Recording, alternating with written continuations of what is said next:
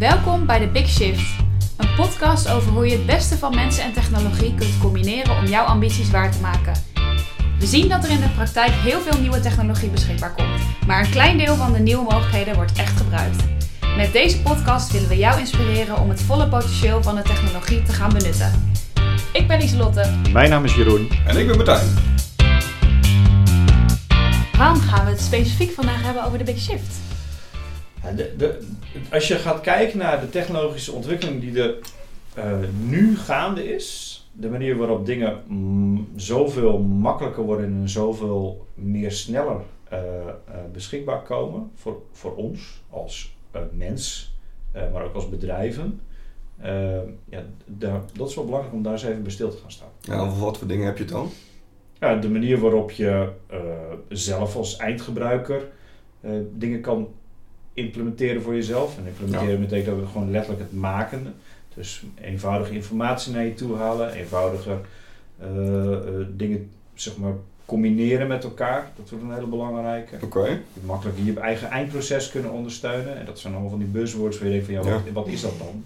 Precies. Uh, maar kun je concreet een specifiek voorbeeld uitlichten? Want informatie ophalen kunnen we natuurlijk al heel erg lang. Ja.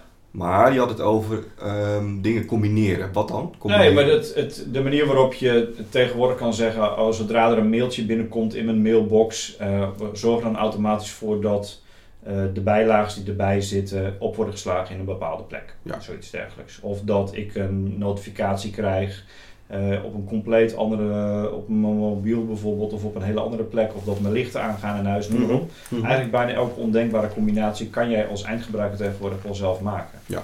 Mm. En die verandering, ja, betekent gewoon dat je echt heel anders kan gaan nadenken, hoe werk ik tegenwoordig? Ja, dus, dus wat je ziet is dat um, je steeds minder een programmeur nodig hebt om bepaalde taken te automatiseren.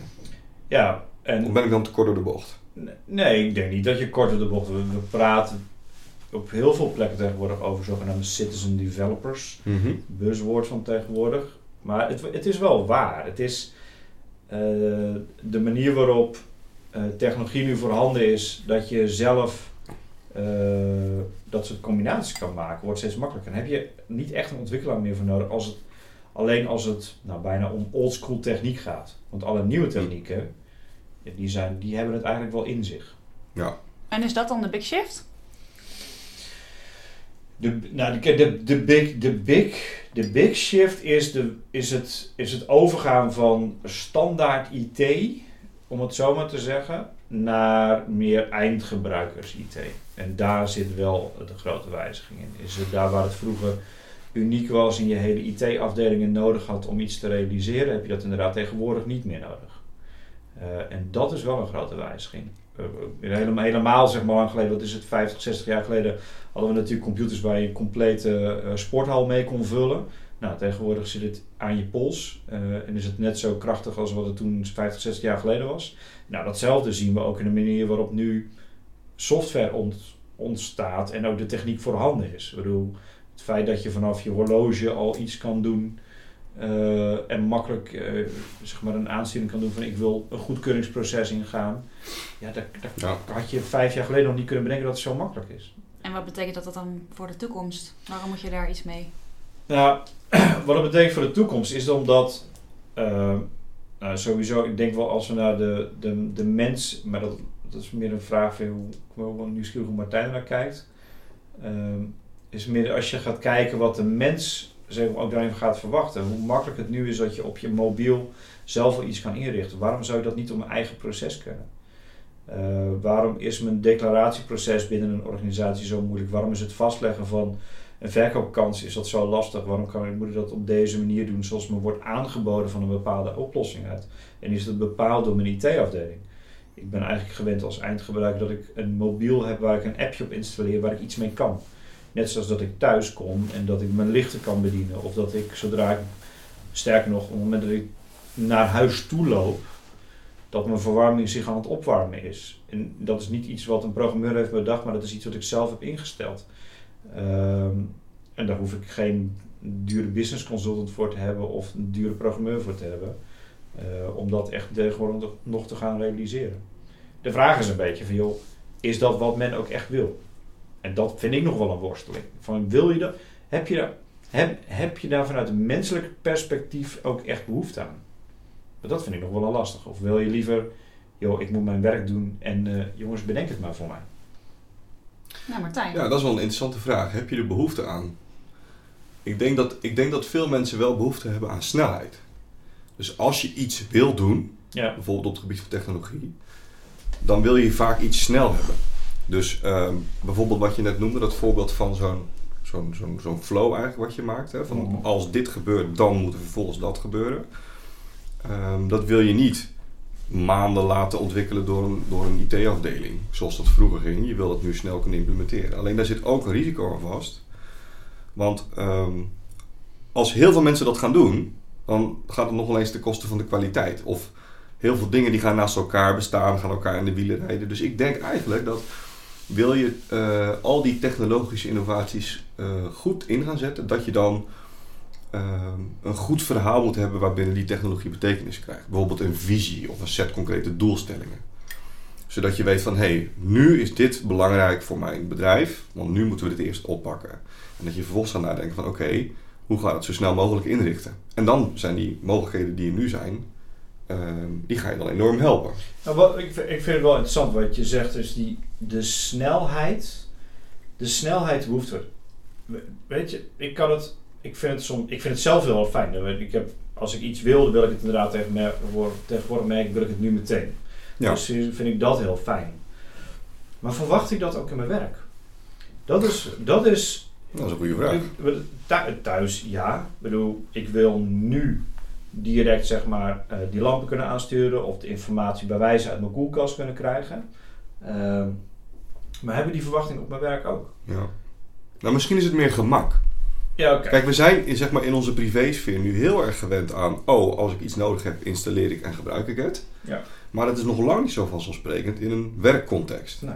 Maar toch heb je die verwachting. Want die wereld die zijn soms zo uit balans. Hè? Ja. En je neemt de verwachting die je in je privésfeer hebt toch mee naar je werk. Dus Ja. daar zou je eigenlijk een vergelijkbare vorm van gemak moeten hebben. Maar hel- toch is gemak ook voor iedereen anders. Ja, dat en, hel en helpt het. Dit is het gemak voor iedereen is anders, dat sowieso. Eh, maar, en helpt het dan ook om het... Helpt het omdat mensen beter hun werk gaan doen? En is het de vraag, is het wel een vraag of mensen het willen? Is het niet gewoon iets wat gaande is en waar organisaties sowieso geen keus in hebben om iets wel of niet mee te, mee te doen?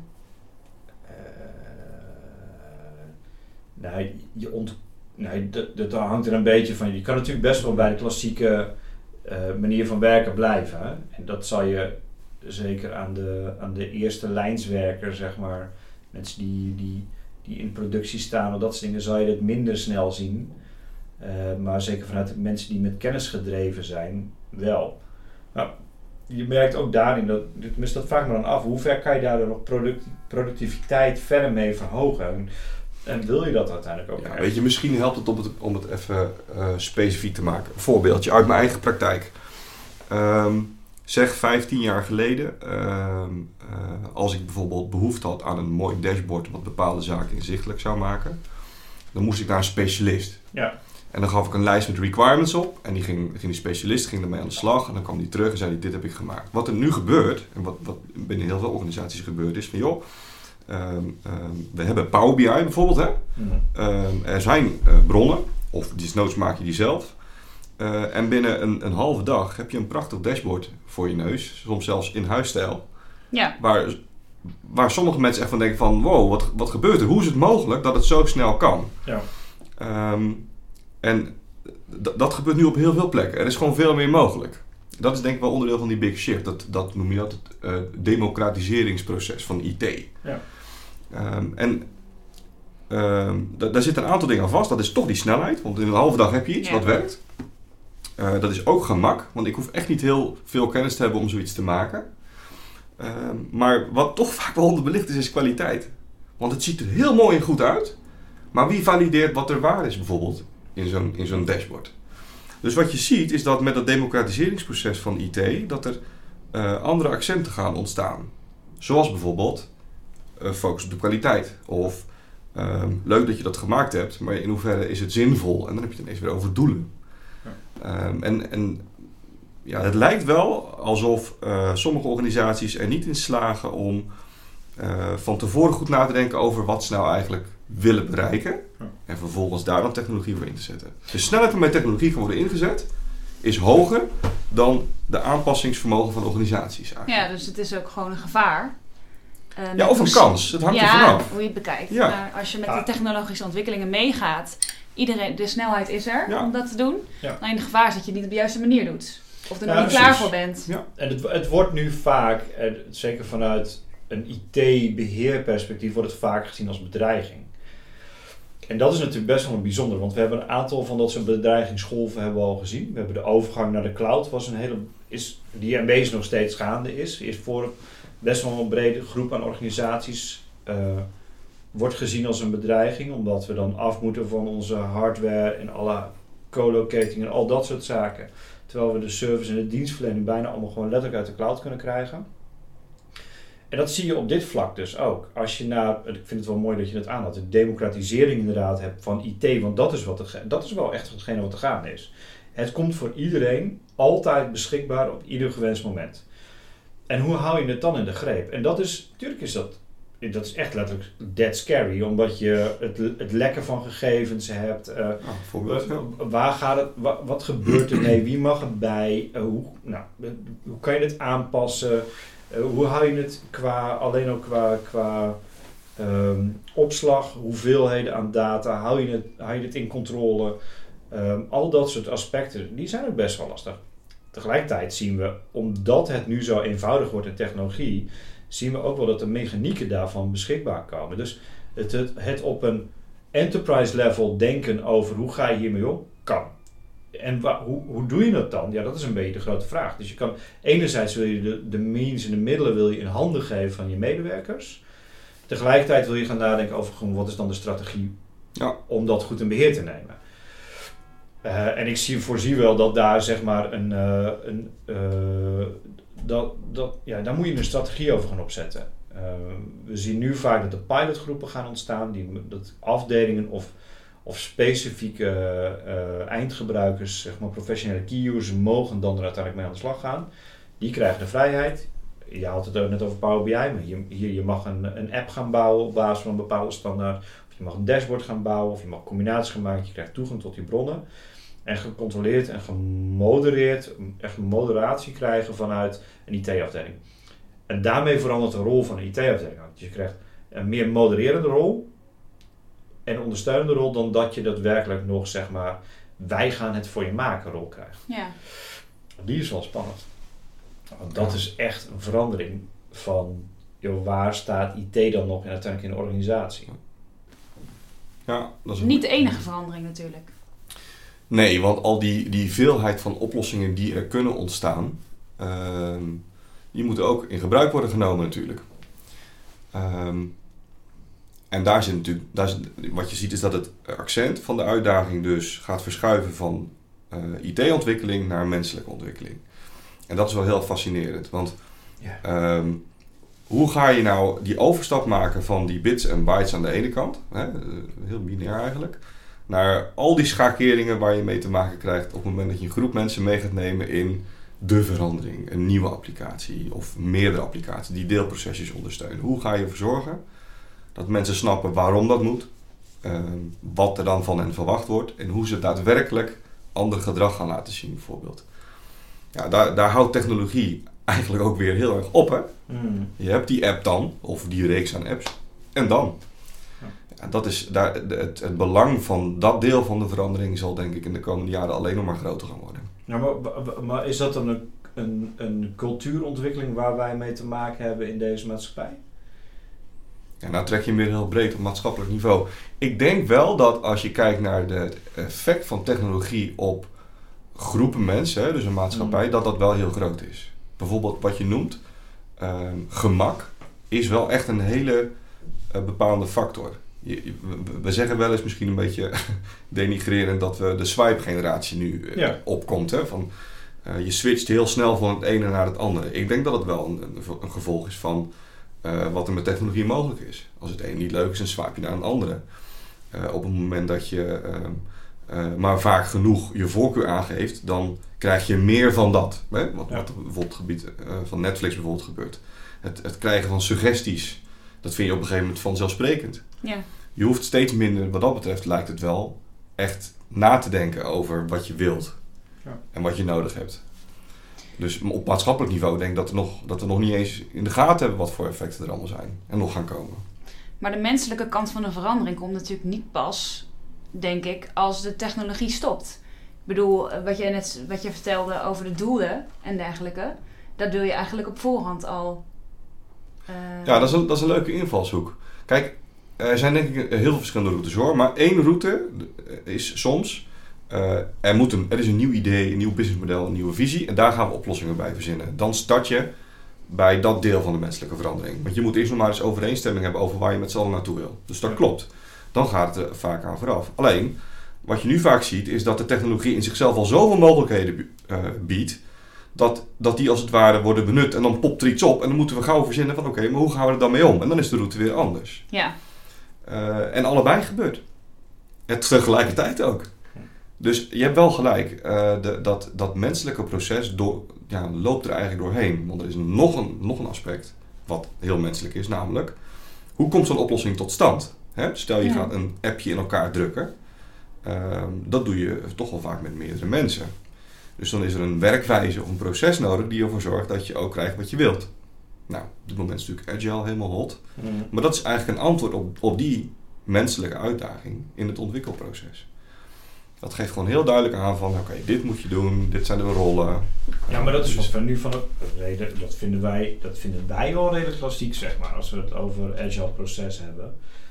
Eh, Ja, en want dat is iets wat we al enige tijd al doen en je ziet het ook in teamverband, zeg maar, gebeuren. Maar je hoort nou juist ook van een zeer individualistisch standpunt. Mhm. Ik heb een probleem en ik loop er Ja. tegenaan, dus ik ga het nu ik los het nu gewoon op. Ja, dan heb je niks aan agile. Nee. Dan heb je het gewoon. Ja. in wezen ben je dan bezig met een soort nou, lean startup-achtige manier om, om Ja. voor jezelf een product te maken of een oplossing te maken. En goed, de, de, de voorbeelden zijn de legio waar mensen in een proces waar ze dagdagelijks mee werken. Hier loop ik altijd tegenaan, want het kost me zoveel tijd. En ik wil nu een oplossing fix ervoor hebben, dus ik ga ermee aan de slag. Ja. En die technologie die komt steeds meer in handen. Precies. Ja. Dus ik bedenk het, ik doe het. En als het interessant is, deel ik het. ja, maar dan weet maar is het dan schaalbaar? Nou ja, dat, dat, dat, dat, is, dat is wel een, een, een, een wezen was, vroeger maakte je, wij zitten nu ook een podcast op te nemen, zeg maar, vroeger maakte je een podcast en werd een radio-uitzending Ja. wijze van. Ja. Eh, je ziet nu gewoon, er wordt een podcast gemaakt, wordt ergens gedaan en het gaat viral. Ja. Eh, en daarmee wordt het vermenigvuldigd en dat. En de technologie is aan de hand. Je hoeft niet meer een broadcaststation te zijn van de grote Nee. uitzendbureaus. hebben. En dat zie je in de technologieontwikkeling ook. Eh, als je wat wilde gaan programmeren, moest gaan doen wat je echt eh, zwaar moest worden ingezet voor honderden collega's. Mhm. Moest je erover nadenken, wat voor webserver heb ik? Hoe groot is mijn databaseomgeving? Wat heb ik er allemaal van Ja. load balancing Ja. mee? Nou, dat hele stuk kan je vergeten, is klaar. Schaar. Ik begin met de oplossing die ik graag wil hebben. Ja. Ik maak schalen. Het enige wat erin zit, je moet een aantal, wil je hem echt enterprise grade maken, moet je een aantal designprincipes gaan aanhouden. De vraag is, is dat erg om in de beginfase meteen al in te bouwen? Of zeg je van, hé, hey, Ja. dit was zo goed, dit was mijn minimal viable product, minimal Ja. lovable product. Ik ben er enthousiast over, mijn team is er enthousiast over en ik ga nu schalen naar de organisatie. Joh, dan is het zo makkelijk geworden dat je bijna zeg maar opnieuw kan opbouwen en het dan wel volgens die architectuurprincipes kan meenemen. Nou, als je dat helemaal doet, de schaalbaarheid is dan het issue niet meer. Nee. Het gaat alleen om de, de grondslag waarmee je dingen gaat doen. en dat is wel echt veranderd. Ja, maar goed, de schaalbaarheid zit natuurlijk ook in de mate waarin ehm, mensen een gedeeld probleem hebben, waardoor die oplossing wordt Ja. aangepakt. Dus, eh, en dan is het wel weer interessant, want je kunt dus als individu snel iets in elkaar drukken, Ja. Maar als je dat alleen maar doet voor iets wat alleen jij als een probleem ervaart, dan is het platform waarop je die oplossing hebt gemaakt misschien wel heel geschikt voor schaalbaarheid, Ja. maar Ja, wie doet er dan voor de Wie rest? doet er- ja, precies. nee. Ja, Ja. maar dat is dan de weggooicultuur waar we toch al in zitten. ja, Maak het, werkt het niet, of ik gebruik het als enige, iemand gaat de organisatie uit, gooi het weg en door naar de volgende, zeg maar. ja, ja en, dat is, en dat kan er ook heel makkelijk. Ja. Dat is wel weer het voordeel. Ja. Dus dat, dat vind ik dan. eh, nou, ik denk dat de, de belangrijkste wijziging erin wel, wel is dat die technologie zo out of the box beschikbaar is gekomen. En ook zo betaalbaar is geworden, want dat is een andere kant natuurlijk. Het is, je, ja, weet je, het kost wel wat, maar je weet ook dat het zodra je er maar eenmaal één ding mee hebt gedaan, dan levert het meteen ook wat op. Ja. Eh, Ja. En, En heb je, heb je het nou specifiek over het Microsoft-platform? Of? Nou, maar ik denk in algemene zin. Ik bedoel, als je ziet wat er qua vanuit Microsoft uiteindelijk qua oplossing nu is. Natuurlijk, Microsoft betaal je ook best wel een prijs van, maar het was. Het is heel anders geprijsd dan dat het vijf jaar geleden was. En je ziet het bij alles. Je ziet het bij alle grote platformen, zie je dat wel terugkomen. Eh, en Ja. maakt er wees ook niet eens uit, eh, uit of je het eh, zeg maar van een compleet andere leverancier pakt als single point oplossing. Eh, dus daar zijn ook best wel wel veel mee te doen. Ja, dat zit hem veel meer in de recurring business dan voor zulke bedrijven. Ja. Gewoon De- gebruik het, de, gebruik de, het de schaalbaarheid, Ja. zeg maar, is wordt er belangrijker. Dus de usage Ja. wordt belangrijker dan uiteindelijk, zeg maar, het eenmaal verkopen daarvan. Dus Ja. Dat is wel, eh, dat is wel, eh, Wat is het grootste voordeel van dit verhaal op technologisch vlak, zeg maar?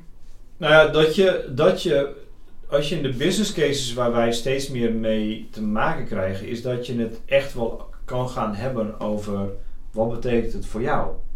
Ehm, en Als organisatie of individu? Beide. Dus het, het is, tuurlijk, het is, het kan, je kan het heel erg richten op het individu. Van, joh, wat betekent het voor jou? Wat doe je in je dagelijkse werk?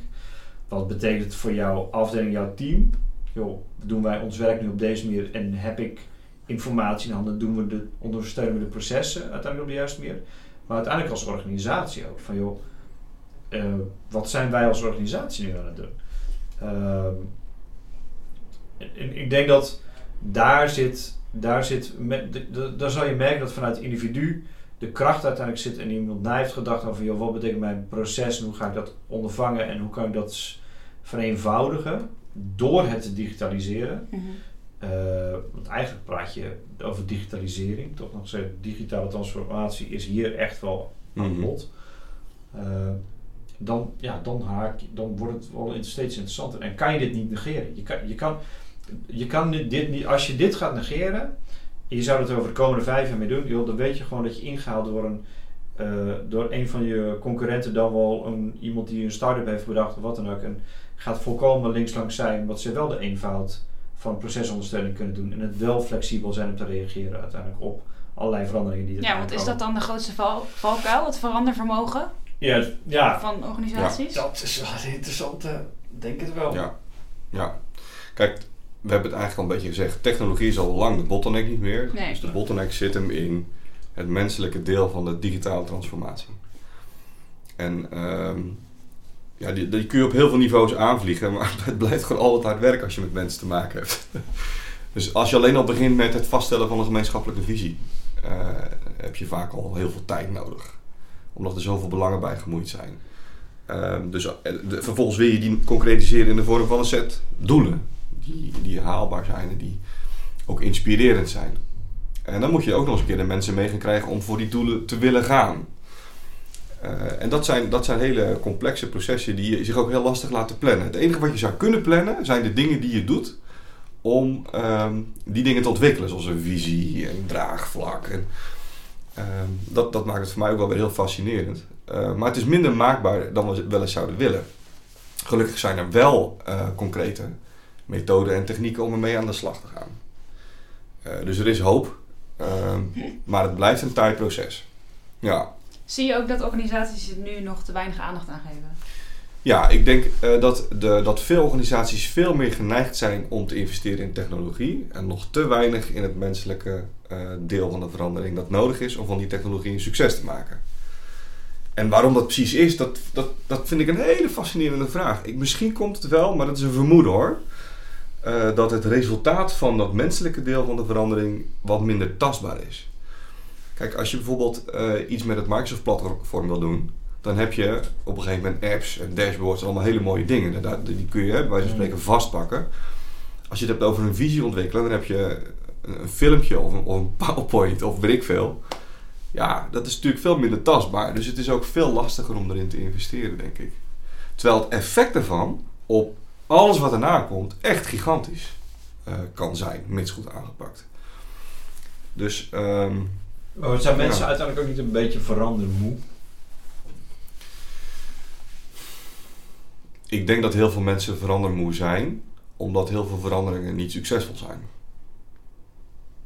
wat je zou kunnen voorkomen als je eh, meer aandacht. Ja, dat denk ik wel. Ja, dat denk ik wel. En dan nog eh, heeft verandermoeheid denk ik heel veel te maken met vertrouwen Ja. in degene die de verandering trekt. En ehm, ja, ook wel, ja, ik, ik- uiteindelijk gaat het over ja, vertrouwen in andere mensen weer. En soms is vertrouwen beschaamd. Ja, het gaat hier echt over misschien hele softe dingen, maar dit is wel waar het over gaat. Als het vertrouwen beschaamd is in mensen die op sleutelpositie in de organisatie zitten, is het heel moeilijk om dat vertrouwen weer terug te winnen. En dan ben je soms niet met eh, het inzetten van een aantal change managers, of een prachtige methodiek, een prachtige communicatie. Dan is er al zoveel wantrouwen opgebouwd eh, dat dat heel lastig te repareren is. Nou kun je soms beter eh, eerst nadenken over, oké, laten we klein beginnen met iets heel concreets en dat dan laten zien. Bewijs van tevoren gaan leveren. En dan biedt het platform eh, van Microsoft bijvoorbeeld daar wel weer hele mooie mogelijkheden voor. Dat je heel snel iets kunt laten zien en daarmee ook de noodzaak tot veranderen weer op een positievere manier voor het voetlicht kan brengen. Maar ik vind, ik vind dat, dat is nog wel vaak een, een zoektocht inderdaad. Als je gaat kijken van, wat, wat ga je dan doen? Gaat er dan zo'n verandering ook echt worden geaccepteerd? Je moet hem zo terugbrengen naar de mens toe. Eh, is, dit, is dit waardevol voor jou? Ben jij, ben jij geholpen met dit appje? Ben je geholpen met het dashboard? Of ben je geholpen met het geautomatiseerd van dit proces? En wat 9 van de 10 keer wat we wel zien is bij, zeker bij de gemiddelde implementatie van, van IT, is het dat er een soort Big Bang scenario wordt gehanteerd van je we veranderen eventjes jouw complete, nou natuurlijk waar wij mee te maken hebben, Ja, even je CRM-proces. Je, je, op deze manier doe je verkoopkansregistratie tot en met je marketingproces of je serviceproces. ja en dan loop je tegen allerlei uitdagingen aan. En dan loop je, en Ja. die is zo breed. En iedereen zit van, ja, weet je wat, ik, ik pak wel weer het Excel-sheetje erbij en ik ga daar wel weer mee. Ja. Ja. Nee, we willen graag dat je samenwerkt met elkaar. Ja. En, eh, maar ja, de, ja, weet je, dan ben ik, de mensen gewoon letterlijk zeggen van, ik ben hier niet mee geholpen. Nee, klopt. Ik wil geholpen worden om mijn dagdagelijks proces te doen. Ja. Aan de andere kant zie ik ook wel eens in een organisatie mensen binnenvliegen die als een soort olifant door een porseleinkast heen gaan vanuit een rol die ze hebben. Ja. En zeggen van ja, weet je, ik trek me hier niks van aan. Ik ga het lekker op mijn manier doen. Dat werkt natuurlijk ook niet mee. Maar, Nee. En ik vraag, vraag me dan af van de, waarom ik net bijvoorbeeld had over joh, wat is dan de mentaliteit en de cultuur zeg maar, die je bij bedrijven ziet over verandering. Ik heb ook af en toe wel het idee dat er mensen binnenkomen op rollen waar je denkt van ja, maar we werken hier gewoon zo. Hè. Dit is het dagelijkse werk wat we doen. Ja. En jij wil het niet allemaal gaan aanpassen. Ja, Dat is ook niet helemaal terecht. nee, nee, nee, maar dit, je raakt wel iets heel interessants. Kijk, als je het hebt over veranderen, heb je altijd te maken met weerstand. Ja. Punt. Of je nou wil of niet, je hebt het gewoon. Ja. En die weerstand is gelaagd. Eh, en je kunt wel net doen alsof het er niet is, maar dan weet je zeker dat, dat op een gegeven moment er zoveel weerstand gaat ontstaan dat het je, je hele project of je hele verandering, eh, dat, dat, dat wordt dan een flop. Nou, wat zijn nou die lagen in die weerstand? Die zitten hem soms in ehm, het besef hè, van het waarom. Waarom moeten we eigenlijk veranderen? En die is ook weer gelaagd, want het waarom van een CEO ziet er weer heel anders uit dan het waarom van iemand die gewoon op de werkvloer zit en daar zijn dagelijkse problemen Ja. te managen heeft. Maar een beeld van waarom moeten we met technologie aan de slag of waarom moet er worden veranderd. eh, als je daarop richt, dan kun je een deel van die weerstand soms al eh, oplossen van tevoren. Om daar het contact over aan te gaan en te vragen van oké, waar heb je behoefte aan? Dan een ander deel van de weerstand zit er misschien in dat mensen de vertaling niet kunnen maken van wat betekent de verandering voor mij persoonlijk? Als mensen daar niet in geholpen worden, dus dat niet eh, expliciet maken, dan, dan blijft het ja, vechten tegen een onzichtbare tegenstander eigenlijk. Dus dan kun je nog, nog zo blij communiceren over je successen, maar als mensen de vertaling niet kunnen maken van oké, maar dit appje of deze oplossing brengt mij dit, dan is het een, een, een feestje wat helemaal buiten je om plaatsvindt. Ja. Ehm, vervolgens kan het soms ook gewoon zijn dat mensen eh, niet over de juiste kennis beschikken om mee te kunnen in een verandering. Hè, dat, wordt, dat is nog wel iets waar we ons vaak op richten. Dan gaan we een training organiseren en dan komt het wel goed. Eh, waarbij we die andere twee lagen dan helemaal eh terzijde schuiven. En dan heb je nog ehm, het, ehm, het mensen in staat stellen om te dealen met de verandering. Dan heb je het soms best wel over persoonlijke dingen. Want ehm, sommige mensen kunnen de cognitieve verandering niet aan. Of kunnen onvoldoende conceptueel eh, mee met hoe een bepaalde applicatie is ingericht. Dus dan moet je ze echt bij de hand nemen. Is coaching soms zelfs nodig. En als laatste, um, zul je de verandering of de nieuwe technologie ook op een goede manier moeten borgen. Als je daar geen aandacht aan besteedt en niet meet wat het succes van een verandering daadwerkelijk is, ja. haken mensen ook gewoon af. Ja. Dus bereid je voor op weerstand. Weerstand is altijd gelaagd en je kunt er gericht iets aan doen. Dat is het goede nieuws. Als je het maar serieus neemt en het gesprek aangaat met de mensen. Ja, maar de verwacht, verwacht dan uiteindelijk, als je vanuit die verandering gaat kijken, uh, is dan daar ook de behoefte dat, dat je flexibel kunt zijn in de, in de wijziging van wat er qua tools aan beschikbaar is? En Hoe bedoel je tools? Dat stel dat we, uh, nou, bijvoorbeeld, je had het net al over een dashboard, zeg maar. Een dashboard wordt neergezet, wordt ingezet. Iemand mensen leren hoe ze ermee om moeten gaan. Ja. Informatie kunnen bekijken, kunnen filteren en, en het hun werk kan ondersteunen, omdat ze mm -hmm. informatie terugkrijgen. Uh, maar stel dat het niet werkt, uh, dan komt er in wezen ook wel om het vertrouwen te blijven hebben en om de verandering te blijven kunnen ondersteunen, wil je het ook makkelijk kunnen aanpassen. Dus je moet het ook snel, flexibel kunnen wijzigen. Ja. Op het moment dat het niet werkt, niet effectief. Ja, dat is, een, dat is wel een mooi bruggetje. Dan, dan hop je weer een beetje terug naar de technologie. Hè? Ja. Ehm, en dat is, dat, is, dat is wel de kracht van uh, wat er op dit moment mogelijk is. Want Soms heb je ergens heel goed over nagedacht, je hebt heel veel mensen betrokken en je denkt, dit is de oplossing. Die zet je neer, ja. communicatie doe je goed, je neemt weerstand serieus. Um, je, je, gaat echt met mensen in gesprek, je regelt het allemaal hartstikke goed. Je gaat starten en wat blijkt, oplossing is toch niet oké. Nee. Dat kan gewoon gebeuren, zo gaat het soms. Uh, dan is het wel fijn om te weten dat je zo'n oplossing, zo'n dashboard bijvoorbeeld, heel snel kan aanpassen, corrigeren naar wat er echt nodig is. Ja. En mensen daar, en, en dat vind ik dan wel belangrijk, want dat mensen daar weer op attenderen van joh, datgene wat er nu staat is, een, is een versie 1.0 vanuit mijn wil praten. En versie 1.0, hier beginnen we mee. Werken we drie maanden mee, we passen het aan. En als je het wil, dan kunnen we de volgende stap in gaan. Sterker nog, uh, desnoods trek je een kopietje en pas je het er zelf aan. Ja. Dat zou ook ja. nog wel kunnen zijn. ja, precies. En, maar dit heeft ook wel weer te maken met verwachtingen. Dus op het moment dat je weet dat dit een een, een, een kenmerk is van je oplossingen, snel aan kunnen passen, ja. kun je dat ook weer inzetten uh, voordat je gaat starten met je hele traject. Door te zeggen van joh, zetten die eerste versie neer, die is nog niet perfect. Ja. Wees niet bang, we kunnen het snel aanpassen. En zo zie je dat technologie en het menselijke uh, deel van de verandering ook heel mooi op elkaar aan kunnen sluiten. En elkaar kunnen versterken ook. En dat, dus het moet eigenlijk in balans zijn.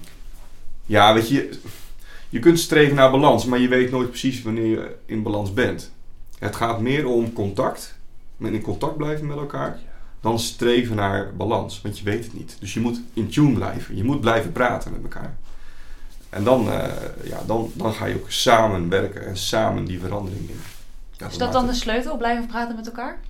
Nee, maar het, het, het, rare is, ik denk vanuit een veranderend perspectief dat sowieso, maar ik denk zelfs, dan ga ik heel, heel verder ruimte in, denk ik. Maar uh, ik denk zelfs vanuit een, een beheersperspectief IT-aanpak wil je dat zelfs ook doen.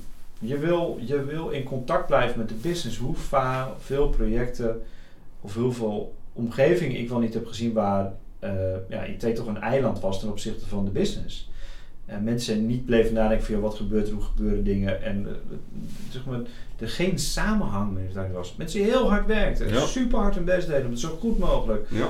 Uh, Aan de intenties ligt het niet. Alle intenties ligt het helemaal niet. Mensen echt willen veilig, goed, altijd up-to-date, bijblijven, volgende stappen kunnen zetten. Maar uiteindelijk op het moment dat je vroeger uh, van een telefonist bijvoorbeeld naar de front heb jij nou de tools en de middelen in je handen waar jij mee kan werken? Gewoon nee. 70% van de tijd krijg ja, het werkt wel, maar het is niet wat ik het nodig heb. Je denkt, je, ja, dan wordt het wel pijnlijk hoor. Dan denk je bij jezelf, jongens, terwijl, wat heb je dan wel nodig? Nou, als ik, dan kunnen het voorbeeld zijn legio, maar als ik drie dingen anders zou kunnen doen, dan zou ik het zo doen. Ja. En mensen het gewoon niet gehoord hebben. Het, het, niet, niet vanuit IT-perspectief ook niet gaat. Dus blijven communiceren over die verandering is niet iets wat alleen of alleen in de business of alleen in de nee. IT kan. Nee. Het is echt een combinatie van de totale organisatie. Ja, ja, dat zeg je mooi. Je kunt eigenlijk als IT uh, beslisser je de luxe niet meer permitteren om niet ook het menselijke deel van de verandering mee te nemen in je overwegingen. Maar hetzelfde geldt eigenlijk ook voor iemand die vanuit een business perspectief kijkt. Die kan zich ook niet meer de luxe permitteren om niet ook het IT-perspectief van de veranderingen mee te nemen. Juist omdat er al zoveel meer mogelijk is. Ben je sales manager, dan zou je na moeten nadenken Ja. van oké, Wil, wat, doe je, wat doe je vanuit IT-perspectief om de mensen uiteindelijk te kunnen Ja. ondersteunen? Ja, het is gewoon part of the deal. Je kunt, Ja. je kunt er niet meer omheen. Ja. Ja. En eh, de grap is, je noemt nu een mooi voorbeeld, hè, sales manager. Ehm, technologie is één ding, maar waar je het voor doet is dus waarde toevoegen. En daar heb je bijvoorbeeld gewoon data voor nodig. Ja. En dan raak je direct je manier van werken. Want die data komt er echt alleen als je anders gaat werken. Dus dingen vast gaat leggen. Ehm, en dan heb je dat menselijke deel van de verandering weer te pakken. Ja. Want dat is en dat blijft een heel lastig iets. Van ja, ga, kan ik, be- besef ik wat ik doe qua registratie? Of weet ik waarom ik moet gaan registreren? Ja. Waarom ondersteunt het dan Kom mijn je weer bij werk? het waarom? Ja. Waarom, ja, wa- waarom ondersteunt het dan mijn werk? En wat kunnen we er dan uiteindelijk mee? Ja. Eh, maar ja, als je daar niet van tevoren over na hebt gedacht, of bij, laat ik het zo zeggen, bij stil hebt gestaan en een, en een aanpak voor hebt bedacht, dan, ja, dan heb je wel kans dat je vast gaat lopen. Sowieso heb je mensen niet mee. Nee. Dat in ieder geval niet. En aan de andere kant, eh, je hebt zelf te weinig input uiteindelijk om mee te gaan sturen. Laat staan Ja, dat je het je snijdt jezelf in de vingers. Ja. ja. en anders maak je gewoon een appje voor jezelf alleen. Ja, Voor je eigen. Voor je eigen. Maar niet voor de ander. Nee, ja. Zonde man. Oh. Ja. Zullen we toe naar een recap?